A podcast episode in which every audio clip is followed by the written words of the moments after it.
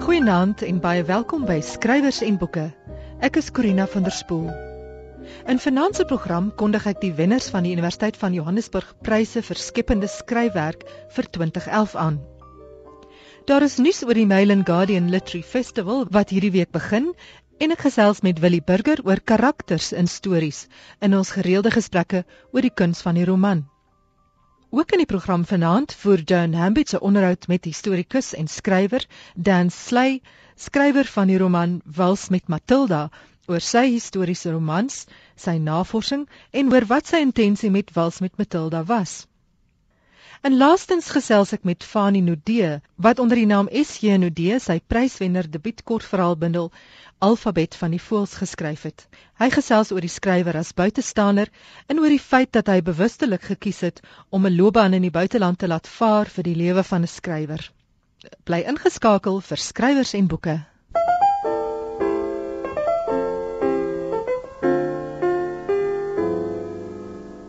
Vanaand kan ek in skrywers en boeke aankondig dat die wenners van die Universiteit van Johannesburg pryse vir skepende skryfwerk in Afrikaans Dan Sley en Fanny Nudee is. Die UE-prys vir die beste skepende skryfwerk in Afrikaans wat gedurende 2011 gepubliseer is, gaan aan Dan Sley se Wals met Matilda. Wals met Matilda is by Tafelberg Uitgewers gepubliseer. En die UE debuutprys gaan aan SJ Nudee se Alfabet van die Voëls wat by Umuzi gepubliseer is. Die UE-prys word toegekend aan die skrywer van die beste oorspronklike skepende werk in Afrikaans wat gedurende die vorige kalenderjaar gepubliseer is. En die UE debuutprys word toegekend aan die skrywer van die beste oorspronklike skepende debuutwerk in Afrikaans wat gedurende die vorige kalenderjaar gepubliseer is. Wals met Matilda is deur die keurpaneel van 9 lede uit 'n kortlys van 5werke as die wenner van die 65000 rand prys aangewys. Oor Wals met Matilda het die keerders gesê, Wals met Matilda spreek van 'n beleë vakmanskap. Die roman is 'n uitdagende leeservaring oor die doodse dans met die lewe. Die diepgang van die hoofkarakter se selfinsig en kastyding, die oorheersende verlies en fertiliteit waaronder Koos gebuk gaan en waarby die leser ingetrek word en die komplekse maar hoopvervulde interaksie tussen Koos en Carolina vra om 'n intense meelewing van die leser. Dit maak egter ook van die roman ryk en lonende leesstof. So Sley se vorige romans beïndruk die uitgebreide en noukeurige navorsing in Wals met Matilda, onder meer oor die genealogie van die van der Merwes, die landbou in Nieu-Suid-Wallis in die laat 19de eeu en die bekende liedjie Waltzing Matilda. Die roman lewer ook skerp kommentaar oor verskeie aktuelle kwessies, byvoorbeeld die posisie van Afrikaans. Die EU debietprys van R25000 aan van die Nodese alfabet van die voëls is gekies uit 'n kortlys van 3 werke. Die keerders het oor alfabet van die voëls gesê: Hierdie kortverhaalbundel is 'n ryp debuut wat suksesvol met die inskrywings vir die hoofprys sou kon meeding. Dit spreek uitdagings aan waarmee die moderne mens worstel, byvoorbeeld buitestanderskap, vervreemding, veral wat die Afrikaner diaspora betref, en terminale siekte en situeer hierdie uitdagings in die konteks van 'n samelewing waarmee Afrikaanse lesers in die algemeen sou kon identifiseer. Die hoofkarakters is byna almal buitestanders wat 'n komplekse ontwikkelingsproses gedurende die verhale deurgaan. In belangrike opsigte is dit 'n boek oor die moderne Afrikaner wat met sy of haar eie lewe oorhoops is en oor 'n onbehaag met die tydgenootlike moment. Hier het ons beslis 'n nuwe stem met alfabet van die voëls wat 'n indrukwekkende debuut en 'n daadwerklike bydrae tot die Afrikaanse letterkunde lewer. Die pryse aan Dan Sley en Fanny Nodee sal op 11 Oktober by die Universiteit van Johannesburg aan die wenners oorhandig word. In die tweede deel van die program vanaand is daar 'n onderhoud met Dan Sley oor Wals met Matilda en daar's ook 'n onderhoud met Fanny Nodee oor alfabet van die voëls. Moenie hierdie geleentheid misloop om die pryswenners self te hoor praat oor hulle werk nie. With me in the studio is Daryl Oconee. He's the books editor of the Mail and Guardian and he's also the director of the Mail and Guardian Literary Festival, which is happening very soon, this week in fact, for the third year running.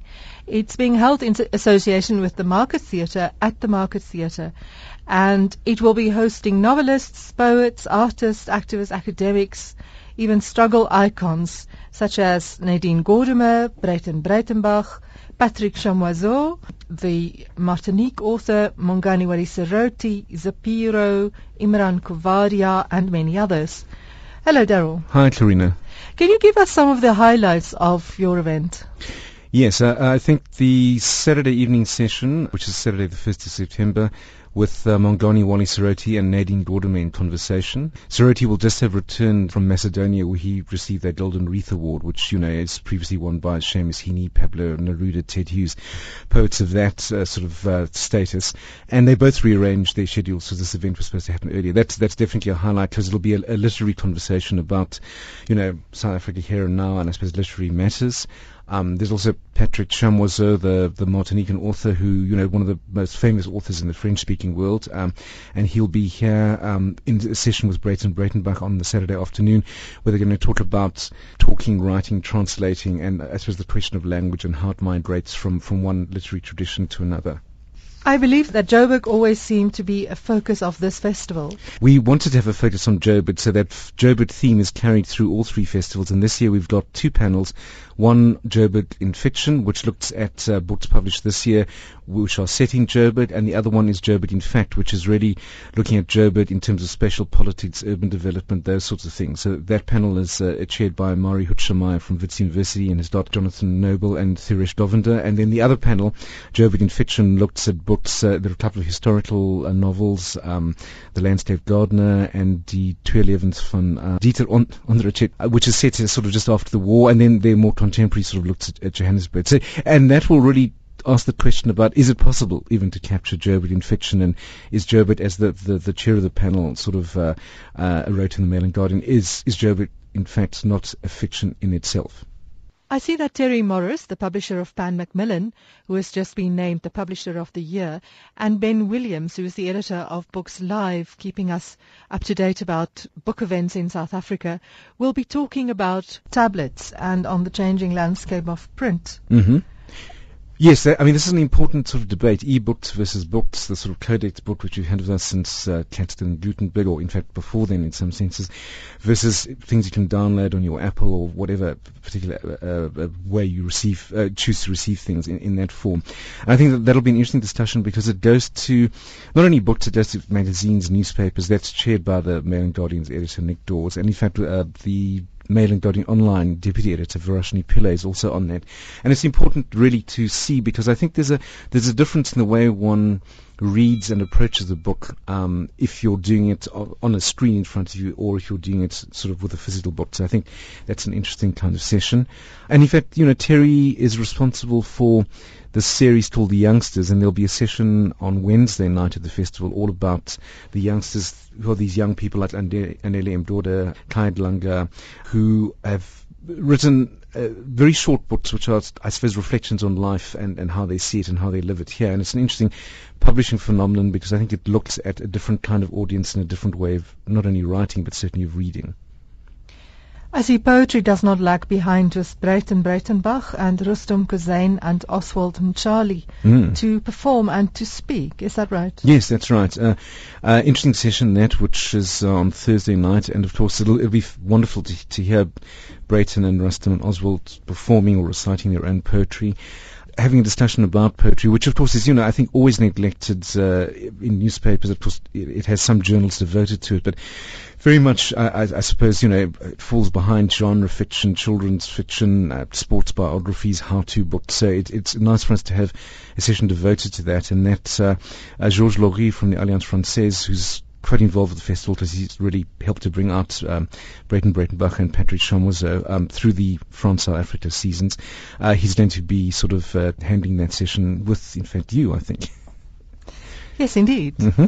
So this is the Mail and Guardian Literary Festival started with a film screening on Tuesday the 28th and then tonight gets going with a discussion with the young ones and runs until Sunday lunchtime mm-hmm. at the Market Theatre. Where can people find more information about this? Right, um, on the Mail and Guardian website, so they have to go to mg.co.za forward slash litfest. There's a whole special report on the festival.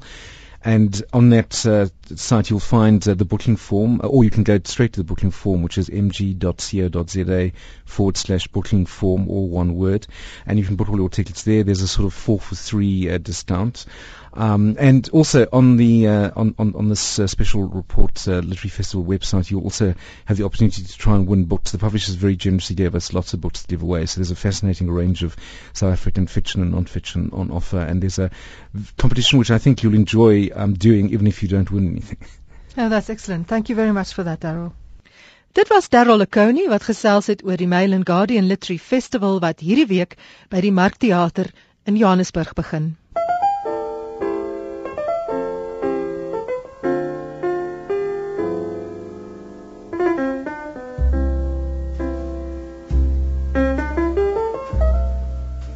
Ek gesels met Willie Burger in ons gereelde gesprekke oor die storie agter die stories.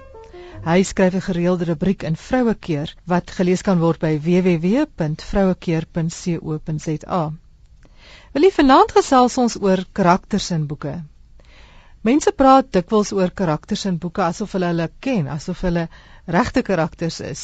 Ja, dit is dis een van die merkwaardige goed natuurlik van literatuur. Ek dink karakters staan seker sentraal vir mense in letterkunde. En dit is sodat hulle van boeke hou of nie hou nie, omdat hulle van 'n karakter daarin hou of nie hou nie. Uh, mense kyk graag na 'n sekere boek herhaaldelik selfs omdat hulle van 'n sekere karakter hou. Maar maar dink maar net hoe belangrik is karakters vir ons in enige storie. Ons noem dikwels die stories wat ons ken na aanleiding van die karakters wat daarin is.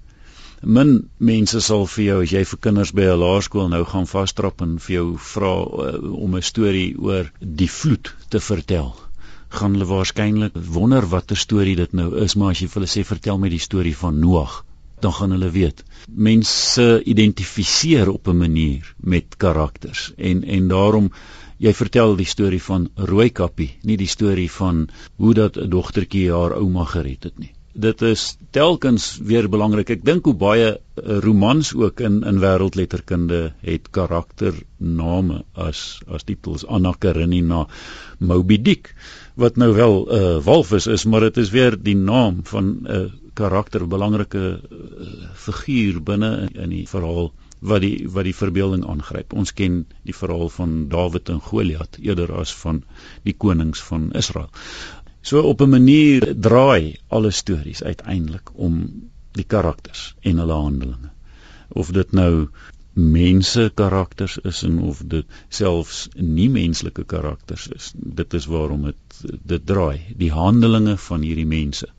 Die een manier hoekom ehm uh, miskien moet ons eers voor voordat ek kyk na hoekom dit gebeur net net sê maar hoe leer jy nou so 'n karakter ken? Ek meen eintlik is dit merkwaardig dat dit vir jou voel asof jy 'n mens ken nadat jy 'n boek gelees het. En al wat jy het is 'n klompie swart merkies op 'n wit papier en daaruit kry jy die gevoel dat jy iemand leer ken het byna soos wat jy vriende of enigiemand anders leer ken en en eintlik al wat jy het is klein brokkies inligting wat vir jou op 'n manier gegee word in die verhaal in die roman. Jy lees miskien 'n bietjie van 'n beskrywing van hoe iemand lyk. Partykeer glad nie eers nie. En selfs al is daar geen beskrywing van hoe 'n karakter lyk nie. Is dit merkwaardig dat jy maar verleesers kan vra hoe lyk hierdie karakter? En hulle sal vir jou heel dikwels 'n beskrywing kan gee van hoe hierdie karakter lyk. So jy het klein brokkies inligting en jy het jou verbeelding. En in jou verbeelding sit jy hierdie blokkies inligting bymekaar en jy voltooi sommer al die inligting wat ontbrekend is. Dermate dat mense baie keer wanneer hulle 'n film weergawe van 'n boek gaan kyk nadat hulle die boek gelees het sê ag nee dit stel my fisiek te leer want hierdie karakter lyk glad nie soos wat hy in die boek gelyk het nie of hierdie karakter is nie soos wat hy in die in die boek is nie en die rede is dit dat jy natuurlik in jou verbeelding 'n ander prentjie as dit ware van daai karakter, daai mens gemaak het. En nou ervaar jy daardie karakter ook as 'n mens. Jy dink nie heeltyd aan die karakter as 'n as as maar net 'n stukkie papier met inkmerke daarop. Iets wat net geskep is om die vertelling op 'n sekere manier te laat vloei nie. Ons begin dikwels betrokke raak by hierdie karakters. En en in 'n sekere sin is dit natuurlik ook belangrik om dit te doen want dit is die manier waarop jy juis ook by jou verhaal betrokke raak. Jy begin wonder wat gaan volgende met hierdie karakter gebeur en jy raak gespanne of uh, hy daarin gaan slaag om te ontsnap uit hierdie dilemma waarin hy nou is en of sy regtig die ware liefde gaan vind. En en omdat jy daaroor bekommerd is, betrek dit jou by die verhaal. Daarom is dit ook so dat jy dikwels van sekere karakters meer hou as van ander karakters en en natuurlik word dit ook uitgebuit dat jy selfs in sommige verhale, dit is natuurlik altyd maklik om 'n helde verhaal te identifiseer met die held. Dit is lekker om aan James Bond se kant te wees want jy weet hy gaan wen.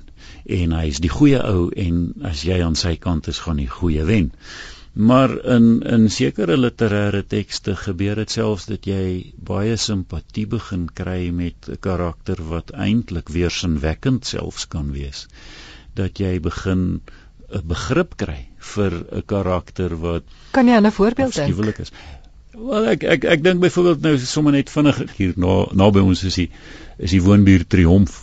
En en dink maar aan die Benadies uit Marlene van die Kerk se Triomf. Dit is karakters waarmee 'n mens jou nie sommer maklik sal wil vereenselwig as jy uit jou 'n uh, goeie voorstad kom en in jou mooi kuise lewe leef nie en tog raak jy op 'n manier betrokke by hierdie benadies wat alles waarskynlik doen waarvoor jy in afskiet terugdeins en daar is sulke momente waar jy al hoe meer 'n simpatie en 'n empatie 'n meelewing kry met hierdie karakters. En ek dink dit is 'n belangrike uh, manipulering byna van die leser om jou op so 'n punt te kry dat jy dit wat jy verafskie selfs kan begin beleef en anders daarna kyk. Dit was Willie Burger oor karakters wat die skrywer skep in romans. Goeienaand, baie welkom by Skrywers en Boeke.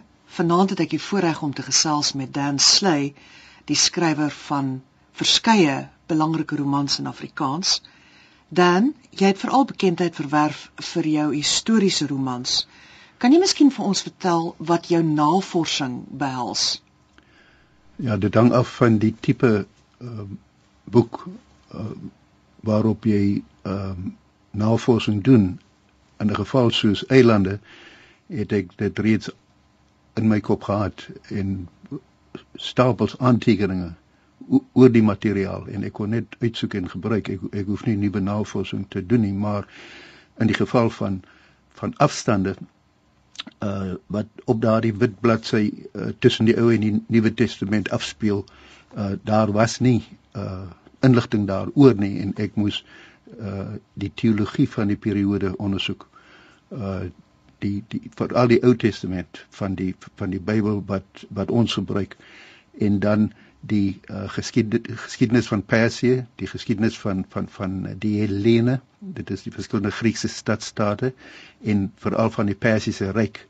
Uh fantastiese uh, uh, uh, tydperk, uh, maar ons kry net 'n wit bladsy daar. So so dit was vir my alles nuut en baie interessant.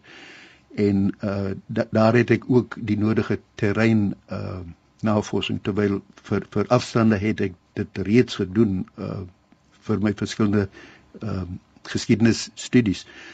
Maar vir afstande moes ek daardie terrein fisies gaan ondersoek. Uh Griekeland en ehm um, Armenië. Nou ons kan kon nie in Sirië gaan nie want dit is 'n bietjie gevaarlik. Maar, maar uh ek wou sien hoe dit lyk voordat ek daaroor kon praat. En as jy met 'n geval soos uh Matilda uh by 'n geval soos Matilda kom dan mag jy vir my sê maar dit is nie 'n historiese roman nie. En dan wil ek uh, uh verskil van u en en vir u sê maar dit is myns insiens is dit. Onder andere ja. Ja. Dis 'n metafiksionele roman, maar dis ook 'n historiese roman. Ja. Nou vertel vir ons iets oor die titel, Die Wals met Matilda. Wel, die die die betekenis wat ek self daaraan gee is die dood se dans met die lewe. As uh, Bruegel het dit ge, geskilder. Die die die dood is omtrent in volle kop langer as die lewe en jy weet wat hier gaan uh, wat die afloop gaan gaan gaan wees daarvan. Maar die ehm um, lied die Australiese volkslied ehm um, Waltzing Matilda Waltzing Matilda het het ek die uh oorspronklike uh, bewoording uh, oorspronklike liriek vergelyk met die nuwe liriek en ehm uh, gevind dat dit nogal verskil. Maar ek kon die hele inhoud gebruik en dit was my bedoeling geweest dat dit ehm uh, daardie teks wat deur ehm um, die troubadour Banjo Patterson geskryf is in in 1897 dat dit byvoorbeeld uh 'n ideale uh, uh, avontuurverhaal uitmaak met 'n droewige einde. Jy kon uh net soos byvoorbeeld in Macbeth waar die waar die hekse dans om die pot, daardie stuk wat sê uh double double toil and trouble en dan gooi hulle al die bestanddele in die pot soos uh eye of newt and tongue of toad en net so kry jy in daardie uh teks van Banjo Patterson reeds die bestanddele van wat soos vir Macbeth en, en op 'n tragedie gaan eindig eindig dit vir vir vir arme Japie ook noodlottig. Uh so so, so jy sien ek het ek het die ek het Patterson se teks nagevolg om Japie se verhaal weer te gee. Hoe het jy daarop gekom? Die naam Japie. Wel dit gaan oor van Amawes. Daar is uh, hy hy was Jakobus van Amawe. Ehm um, en as 'n seun sal hy seker Japie wees. Uh maar ons het ook die die die die uh wat noem jy die protagonis of is in sy geval seker antagonis koes en dan het ons vir Carlina en as ek net oor elkeen van hulle 'n woord kan sê uh voordat ek teruggaan na, die oorsprong van Japie uh koes is 'n absolute teneegedrukte man as gevolg van verskeie terugslae uh wat hy in sy lewe gehad het. En hy moet weer op sy voete gekry word. Nou stuur 'n uitgewer vir hom vir Carlina en Carlina is myns insiens uh ek hoop ek het dit goed uitgebeeld die gees van Boerneef se uh gedigte wel van al sy werk want hy hy hy, hy pragtig sy sy sy sy uh, uh teks en en sy ook sy uh, gedigte is is vir my uh pragtig het hy uh vorm sy die gees van wat hy was. Sy sy sy praat hy praat deur haar. En dan kry sy dit reg um as 'n taalterapeut nou ek weet nie of al van tevore so iets was soos 'n taalterapeut nie maar sy kry dit reg om vir Koos weer op te tel op sy voete staan te maak sy af te stof, sy gesig na die son te draai en vir hom uh um weer aan die werk te kry. Sy sy sy vervang sy battery, sy ou afgeloopte battery herlaai sy. Wat wat die jong Japie betref in 1997, dit is 'n 100 jaar toe die 100-jarige herdenkings was van uh die lied van Patterson se lied was met uh, uh, Waltzing Matilda was daar konferensies en simposiums en en en volksfeeste en baie bier gedrink natuurlik en uh, sangkompetisies maar daar was ook uh, studies oor die oorsprong van die lied Waltzing Matilda. Uh en uh een van die navorsers en dit het ek in 'n Kaapse uh, Sondagblad gesien dat het voorgestel dat dit die oorspronklike swagman die die die uh, karakter van die lied waaroor die lied gaan was 'n Suid-Afrikaanse uh, uh, uh, uh, kereltjie met die naam van Jakobus van der Merwe. Uh en dat wat gebeur het met hom in die lied het in werklikheid met Jakobus. Hy was in uit Australië toe gekom om, om oor skaapboerdery te leer. Hy het in die ongenade verval en uh dit het sleg afgeloop met hom. Dan jy is ook 'n digter, gaan ons weer 'n bundel sien van jou. Twee maklike antwoorde. Die eerste een is uh, ek dink dit sou Petra het die standaarde hoog gestel. Ek, ek sal dit nooit bereik nie. Maar die ander een wil ek eintlik vir u vra of u dink daar is 'n behoefte na na uh Matilda, is daar 'n behoefte aan 'n aan 'n digbundel? Ek dink so. Ek dink tog jy werk met digterlike temas in jou werk. Maar die die die ander een betaal baie beter. Die die Jy het onlangs baie sterk standpunt ingeneem juis oor betaling en oor resensies en dat 'n resensent aangespreek mag word wanneer hy of sy 'n resensie skryf wat volgens jou die skrywer se verkope beduiwel. Was jy ernstig? Uh, ja, en en en ek sal nou vir u probeer uh, verduidelik. Ek dink dit is 'n baie belangrike vraag wat wat u gestel het en ek waardeer dit. En en jy weet dit is 'n absolute uh, uh vir my van die van die grootste uh um uh gevolg. Uh in die verhaal van Matilda het hy gesê daar is 'n 'n 'n skrywer wat uitvaar teen die gebruik van literatuurteoretiese terme en klisjées. En en in die geval van Koos, Koos was reeds baie te neergedruk. Erg. Dit is dit het uh, uh, sy lewe beïnvloed so so erg. Hy was so te neergedruk soos 'n soos 'n landmyn en jy jy moenie op hom trap of aan hom raak nie anders gaan hy ontplof. En toe kom daar nou in die storie 'n resensent wat 'n 'n totaal subjektiewe en en en foutiewe en uh, uh, uh, onverantwoordelike uh, uh, resensie skryf oor sy werk. En toe ontplof ontplof koers as jy hier die boek gelees, jy sal weet, uh, hy, hy hy hy ontplof absoluut. Maar ek het soveel te sê hier hier oor hierdie geval. Ehm um, dat ek vir u wil vra dat ons dit kyk ek kan dit uit, uitbrei tot 'n halfuur. Ek kan ek kan uh breedvoerig en volledig daaroor praat en ek sal dit liewer doen as u so 'n geleentheid wil reël as dit ons dit nou in 5 5 minute dit dit is vir my te te ernstig. Het jy gevoel dit was 'n foutiewe lesing van die van die boek? Ja. Dit was dit was Koos se gevoel. Ja. En daar is dinge waar ek en Koos nogal oor kan saamstem, soos reg en onreg. Maar dink jy nie dat 'n uitspraak dat 'n resensent aangevat kan word deur 'n skrywer kan uiteindelik die indruk laat dat daar mag nie kritiek uitgespreek word nie? Of is dit nie wat u bedoel het nie? Nee nee dit kan mens natuurlik nie sê dat daar nie mag uit uitgespreek word nie. Daar daar is iets soos soos vryheid van spraak maar daar is die skrywer se regte nou daarop kan ek kan ek baie uitbrei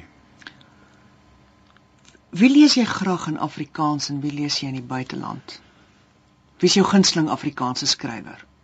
Ah, ehm um, dit dit sal ek nie graag, jy weet daar's baie goeies. Daar is soveel wonderlike vriende dat ek nie ehm um, ek sien baie van hulle ek nog nie ont, ontmoet nie, maar ander is vriende wat sulke kwaliteit werk eh, dat ek nie die een wil wil noem voor die ander nie. Maar wat ek vir u kan sê wat ek onlangs gelees het wat ek baie geniet het is is is die uh, biografie van van van Elsa Joubert en van Rykie van Reen en ek was uh, Rykie ek ek ek het daar nog nog uh, geken en dat daar uh, in Carlina is daar nog iets van van van Rykie se soort van vrypostigheid en in in in uitgesprokenheid. Ehm um, maar uh as jy sê oor see, dan sou ek dink ek het onlangs uh Peter Carey se se se nuwe gelees uh the chemistry of tears was dit gewees. Maar en en en natuurlik het ek uh, the Kelly gang van van dit was pragtig absoluut lieflik van van Carey. En dan het ek uh gelees nou uh Hella Hase, dit is 'n Nederlandse uh een nuwer testament. Dit is 'n wonderlik pragtige werk. Uh ek is nog nie klaar daarmee nie, maar dit is so 'n plesier. Ehm um, lees u Philip Roth? Ja, ek het uh al in die verlede maar dit is nou taamlik in die 2 3 jaar gelede het ek Philip Roth ge, ge die die een waarin Anne Frank verskyn die die ehm um, ek sê Anna Frank dit sê was 'n Hollander geweest. Uh daardie boek dit was ook vir my baie groot groot plesier maar on, ongelukkig dit was die die laaste wat ek ge, ge, van hom gesien het. Hoekom ek vra of u Roth lees want mens kry dikwels by hom ook 'n vermenging van die historiese feit ja. en die fiksie. Ja. Die historiese gegewe wat hy gebruik ja. en dan fiksionaliseer. Net soos soos die geval van Anna Frank wat by hulle in die huis kom woon en so oortuigend. Hoe lyk jou werkprogram? Skryf jy elke dag? Ehm um, ek ek moet sê ek ek het nie 'n werkprogram nie, ek is te besig. Ek ek ek probeer elke dag 'n bietjie doen. Dit gaan soms daar lank net oor gister en die dag daarvoor weer weer deur te trek en oor te doen. Maar daar is ook 'n uh, uh, as ek baie vroeg in die oggend opstaan, dan kry ek iets gedoen van omtrent 4 uur tot sê 10 uur dan is dit dan is dit verby. Dan kan ek nie meer sien nie en ek het nog ander goed ook. Uh, die die dag is net te vol, maar daar is 'n uh, uh daar's nie 'n rotine nie. Ek sien ek moet ek moet doen wat waarvoor daar tyd is.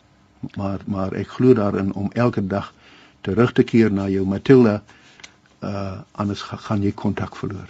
Waarmee is jy nou besig? Skryf jy weer aan 'n roman? Twee twee twee goed uh ek het uh, uh, ek gaan altyd terug na geskiedenis omdat geskiedenis is maar my my vak ek ek weet hoe om dit te doen met hierdie sukkel ek baie met hierdie uh, romans sukkel ek verskriklik.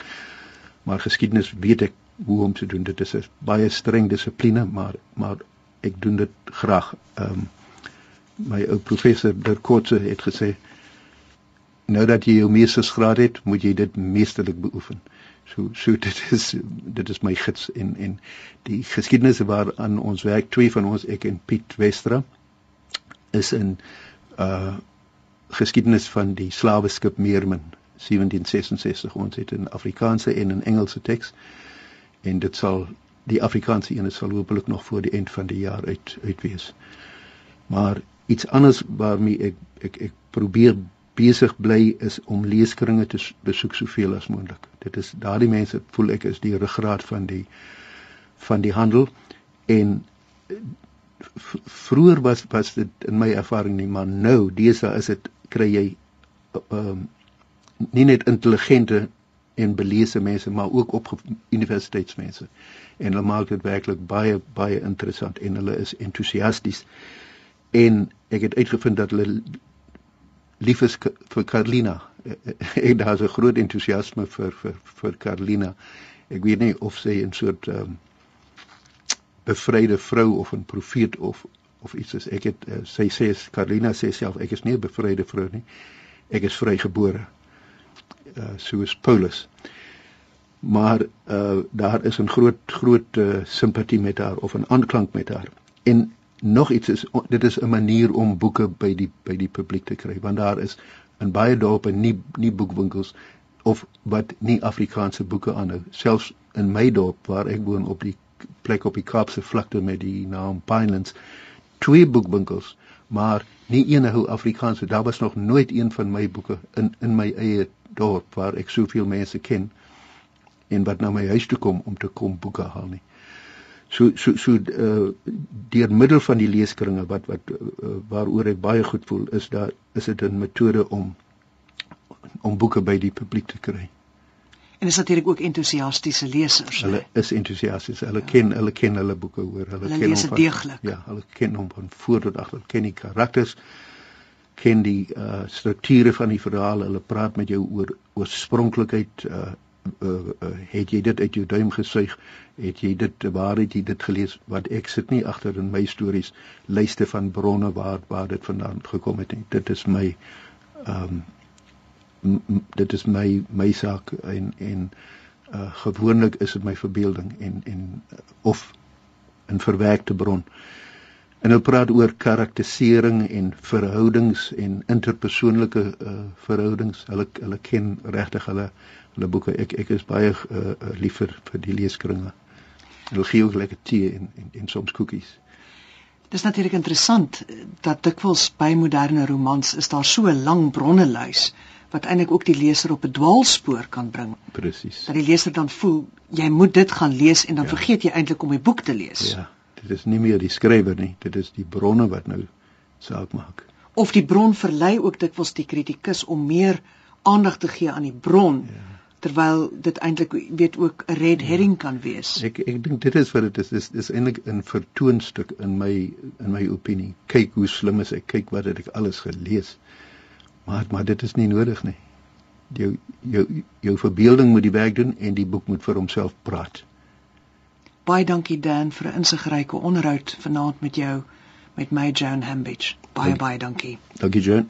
Dit was letterkundige Joan Hambidge wat gesels het met die skrywer Dan Sley wat sopas aangekondig is as die wenner van die Universiteit van Johannesburg se prys vir skepende skryfwerk. Ek gesels met Fali Nudee. Hy het die Jan Rabie rapportprys ontvang vir sy debuutboek Die alfabet van die voëls.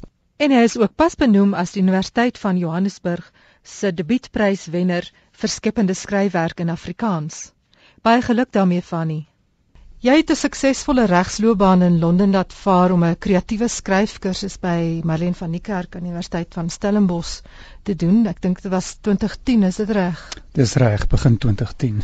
Wat het tot hierdie besluit gelei? Ek dink dit was 'n langerige proses. Uh, ek het 16 jaar in die buiteland gewoon en het studeer en, en gewerk as 'n as 'n regspraktisyn in New York en toe Londen. Ek het as jong man, jy weet as student, het ek geskryf en enkele kere gepubliseer ook. En ek dink die skryfdrang het by my gebly oor baie jare terwyl ek weet aan my regsloopbaan gewerk het. Ek dink die finansiële krisis in in Londen en Europa in 2008 of wat wat toe begin het, het my skielik weer uh, allerlei dinge heroorweging laat neem en die skryfdrang wat lank onderdruk was, uh, het dink ek toe weer nodig gehad om om sigself weet uitdrukking te gee. En ek het besluit om Suid-Afrika toe te kom vir vir in daardie stadium vir 2 jaar om 'n meestersgraad in kreatiewe skryfwerk te doen aan Stellenbosch. Jy is skrywer en werk nou ook as 'n redakteur by 'n uitgewer. Die wêreld en waardes van die korporatiewe wêreld lyk nogal onverzoenbaar met die kreatiewe skryfwêreld. Ek dink dit is. Ek dink uh, ek kan self sê wederzijds uitsluitend. Ja, om, om vir Walt Whitman aantal of of verkeerd aantal so one can contain multitudes, maar ek dink om uh, internasionale transaksionele reg te praktiseer aan die een kant in die noordelike halfrond en aan die ander kant eintlik maar die drang te om in Afrikaans stories te skryf is uh, besonder uiteenlopende uh, soort belangstellings en die waardestelsels soos jy sê verskil ook aansienlik. Aan die een kant is mens besig om op groot skaal welvaart en risiko's rond te skuif 'n soort soort bemiddelaar, 'n ekonomiese magsbemiddelaar te wees eintlik. Aan die ander kant is jy besig met die eh, as jy skryf met die fynere nuances van van van menswees en menslike moontlikhede. En ek moet bieg dit is uh, bitter moeilik versoenbare elemente van 'n mens van 'n mens se samestelling. Die alfabet van die voëls is 'n kortverhaalboek wat hoog aangeskryf word. Waarom het jy die kortverhaal gekies as vorm? Ek het begin met die met die kursus toe ek die MA in Stellenbosch begin het om 'n roman te skryf, maar ek het toe vinnig besef dat daar veel eintlik te veel idees, jy weet, mense agterkop rondmaal. Daar was ook by my 'n soort dringendheid, jy weet, daar idees het vir 'n verhaal ontstaan en dan wou ek vinnig by die einde daarvan uitkom. Dit was dit was iets wat my genoop het om te skryf en klaar te skryf. En ek wou tyd maak om ook uit te kom by die ander verhale wat wat gevra het om geskryf te word. Uh so ek dink dit het deels maar daarmee te doen. Daar is al opgemerk dat die verhale 'n soort romanmatige uh skaal toon eintlik maar gekompakteer is. En ek kan nie uitsluit dat mens dalk in die toekoms sal dink aan 'n roman nie, maar ek moet sê in hierdie stadium was hierdie lang soort kort verhaal vir my eintlik heel ideaal geweest. Jou verhale word meestal gedryf deur karakter en die interaksies tussen karakters. Jy het ook elders gesê dat die kortverhaal vir jou 'n slice of life verteenwoordig.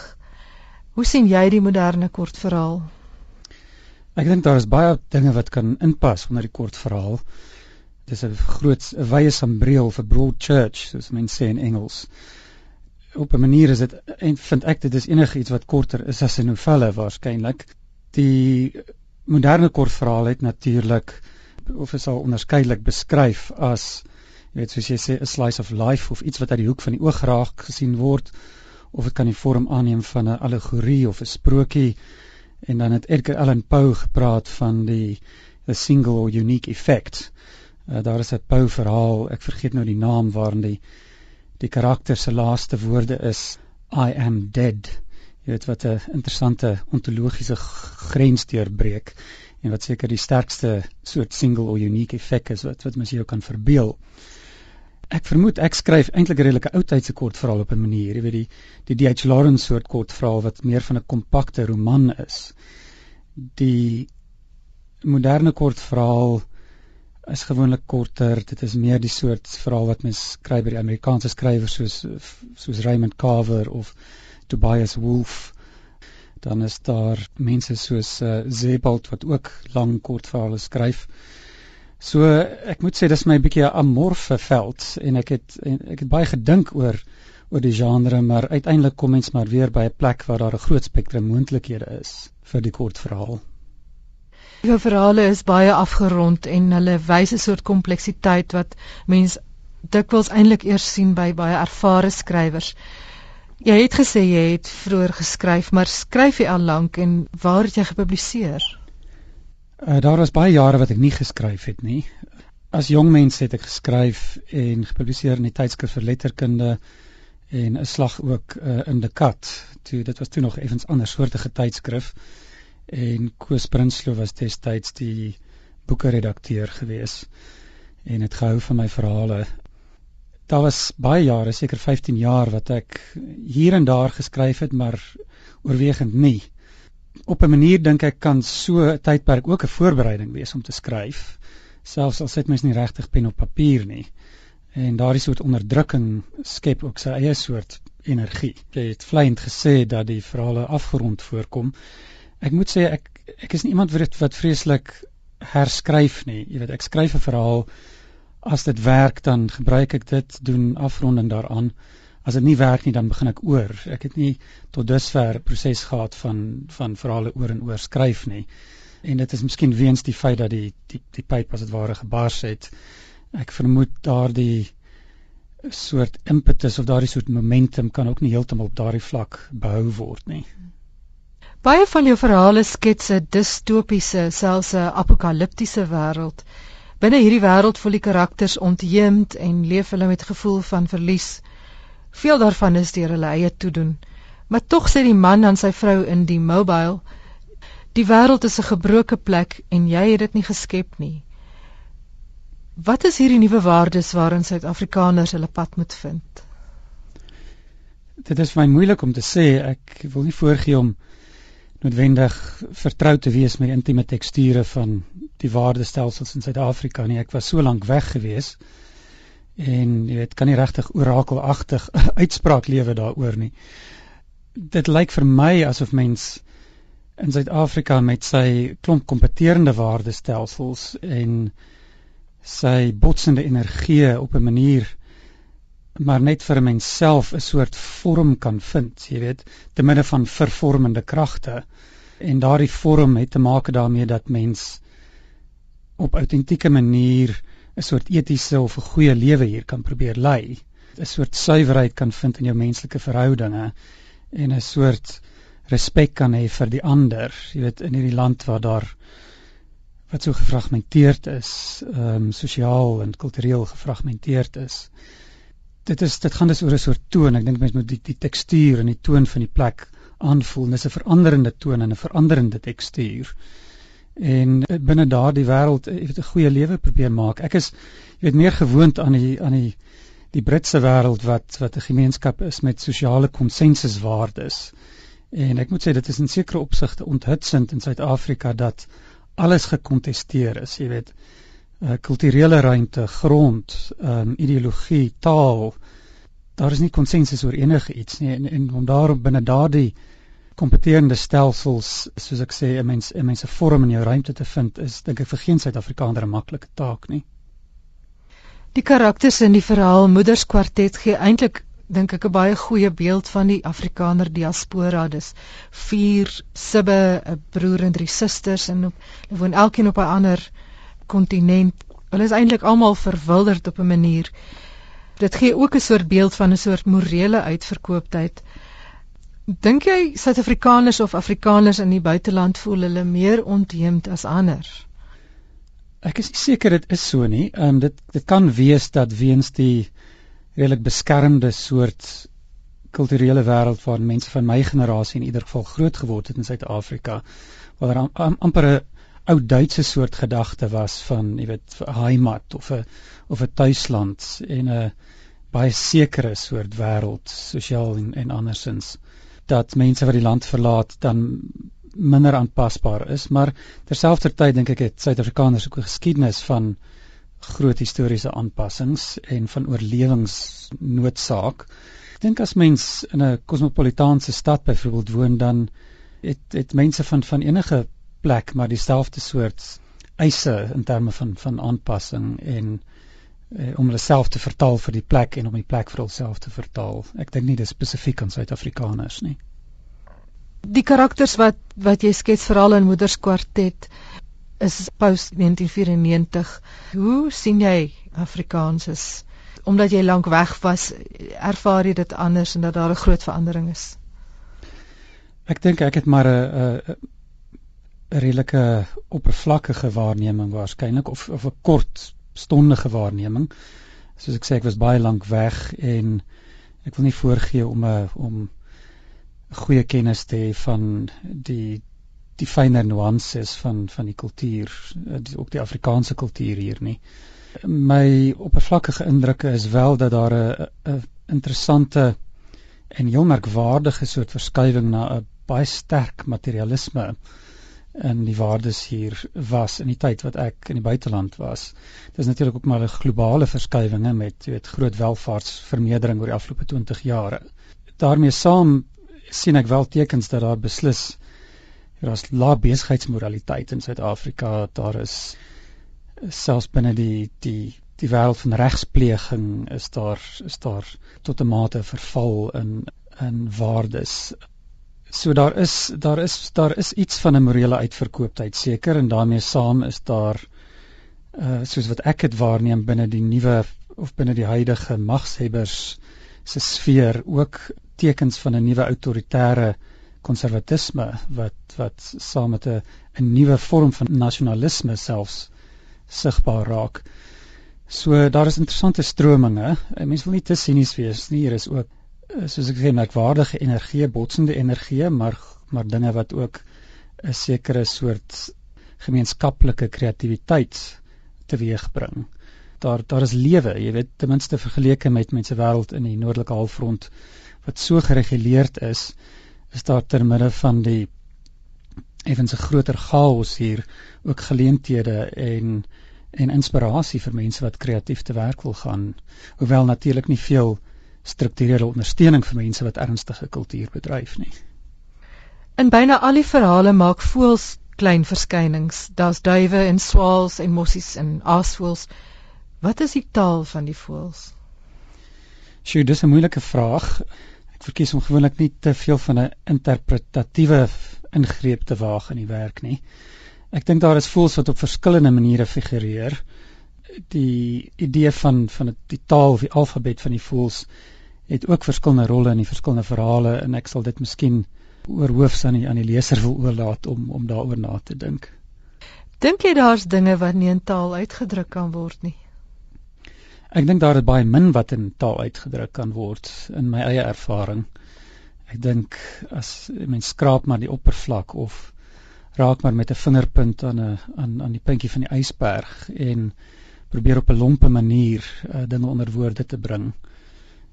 Ek ek dit is vir myself 'n groot bron van twyfel as 'n mens skryf of jy enige iets onder woorde bring werklik en of dit moontlik is om enige iets werklik onder woorde te bring. Musiek speel 'n rol in byna elke verhaal in hierdie boek. Is musiek vir jou belangrik? Musiek is vir my belangrik. Ek het redelike obskure musiek smaak, moet ek moet ek erken. Ek uh, stel belang in in ernstige musiek of kunsmusiek uit die 20ste eeu in in van kontemporêre uh komponiste.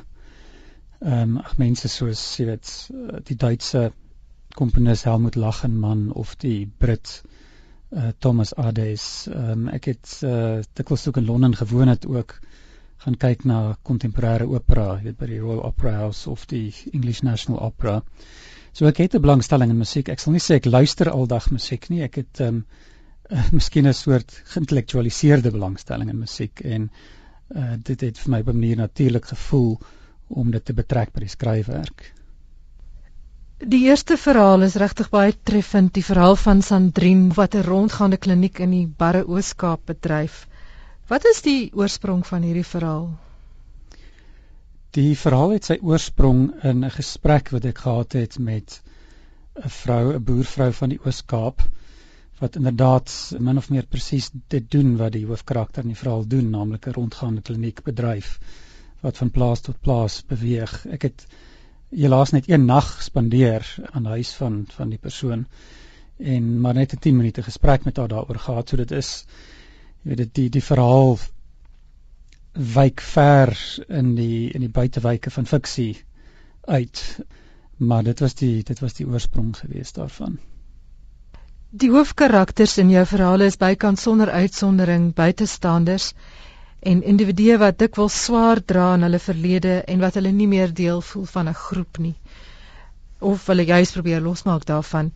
Jy het self lank in die buiteland gewone gewerk. Voel jy jouself 'n buitestander en dink jy die lang afstand perspektief het jou gehelp in jou skryfwerk? Dink jy skrywers het dit nodig? Ja, ek wonder of of enigiemand hulle nog 'n binnestander voel uh in hierdie dae. En as almal buitestanders is, jy weet, uh is is dit is dit nie 'n soort binnestanderskap wat 'n mens bereik nie. Die die langafstand perspektief uh, ek dink is nuttig op allerlei maniere. Dit gee mense 'n soort vervreemding wat waarskynlik nuttig is om afstand te kry in jou skryfwerk. Dit het seker ook sy nadele. Ek onthou toe ek hierdie bundel geskryf het, was dit vir my moeilik byvoorbeeld om enige van die verhale net op een plek te laat afspeel. Ek het gevind dat die verhale voortdurend van ruimtes verwissel en dat die verhale dikwels ook hulle energie kry van so 'n verwisseling in ruimte wat seker nie noodwendige voordeel of 'n nadeel is nie, maar in elk geval beslis 'n resultaat van mense eie verblyf op verskillende kontinente oor 'n lang tydperk. In een van die verhale maak Jackie de Wet, die seun van Milla de Wet in Marlene van die Kerk se roman Agat, 'n gasverskyning. Dit moet tog al 'n pret wees om 'n karakter uit 'n ander skrywer se boek in te skryf. Jy het ook die skryfkursus gedoen by Stellenbosch onder van die kerk se leiding. Hoe het jy dit ervaar en kan jy dit aanbeveel? Ja, dis 'n bietjie van 'n aanmatigende grappie dink ek om 'n kortstondige karakter by iemand te leen, veral by Marlene van die kerk of iemand van haar van haar statuur. Maar ek het dit laat deurglip en wat betref die kursus by Marlene was dit vir my 'n uh, heel merkwaardige ervaring. Dit was 'n groot bevryding om in eerste plek in so klas te mag sit en op ernstige en gefokusde wyse met skryfwerk jou eie en ander se skryfwerk om te gaan. En dit is nogal moeilik om te beskryf wat 'n mens presies daaruit kry. Ek dink die algemene wysheid is mens leer om jou eie werk beter te lees. Wat sekerlik so is uh of meer krities te lees daar is egter ook iets redelik ontasbaar dink ek wat wat gebeur of of moeilik vasvatbaar wat gebeur in daardie proses. Dit is nie heeltemal psigoterapie nie, maar jy weet as mens iemand het soos Marlene wat sy's 'n sterk karakter met sterk sterk kragveld en sterk opinies, maar sy het 'n soort intuïsie wat myns insiens 'n briljantheid vergestald. En dit is daardie intuïsie dink ek wat ingestel is op die kern van wat dit is wat 'n mens doen in jou in jou skryfwerk of waar die kern lê van jou kreatiewe instinkte. En sy het op jou buitengewone manier die vermoë om dit uit 'n mens uit te terg, daardie daardie kreatiewe of jou eie kreatiewe instinkte. Ek kan dit dis baie sterk aanbeveel. Ek het vriende in in Engeland in plekke soos jy weet van die bekende universiteite soos East Anglia wat wat soortgelyke kursusse volg of gevolg het. Maar myns insiens is Stellenbosch werklik een van in Marlene se kursus daar werklik een van die beste wat 'n mens op enige plek kan kry. Watter skrywers en boeke het jou beïnvloed? So ek dink daar is baie. Ehm um, as mens begin by by Afrikaans of Suid-Afrika dan is dit vir my beslis uh met 'n mens begin by Etienne Leroux en van die ander 60ers Jan Rabie of Henny Oukamp. Ek dink aan mense soos uh, Koos Prinsloo wat mense ook 'n briljante Afrikaanse kortverhaalskrywer was. Mense soos Marlene van die Kerk, Ingrid Winterbag, uh, Eben Venter, J.M. Coetzee, Damon Galgut is uh, is is ook uh, iemand vir wie ek groot bewondering het. Uh, Michiel Heinz wat 'n merkwaardige traject gehad het as skrywer en sy nuutste roman Invisible Furies is dink ek een van die opwindendste boeke in Suid-Afrika wat ek in 'n lang tyd gelees het. Dan is daar natuurlik ook in die wyeer wêreld in Europa byvoorbeeld heelwat van die sentraal-Europese skrywers uh, intrigeer my mense soos Thomas Bernhard, W.G. Sebald wat eintlik in Engeland gebly het maar steeds in Duits geskryf het. En dan is daar 'n Argentynse skrywer wat, wat ek redelik onlangs ontdek het, um, naamlik Roberto Bolaño, wie se bundel Last Evenings on Earth ek tans lees wat een van die mooiste titels is, maar ook 'n merkwaardige merkwaardige skrywer. Dit was Fanie Nudee, skrywer van die kortverhaalbundel Die Alfabet van die Voëls met wie ek gesels het. Baie lekker om met jou te praat, Fanie. Baie dankie, Karina. Dit is al vir skrywers en boeke vanaand. Sluit volgende week weer aan van 8 tot 9 vir skrywers en boeke. Jy kan luister na 'n potgooi van hierdie program by rsg.co.za. Totsiens tot volgende keer. thank you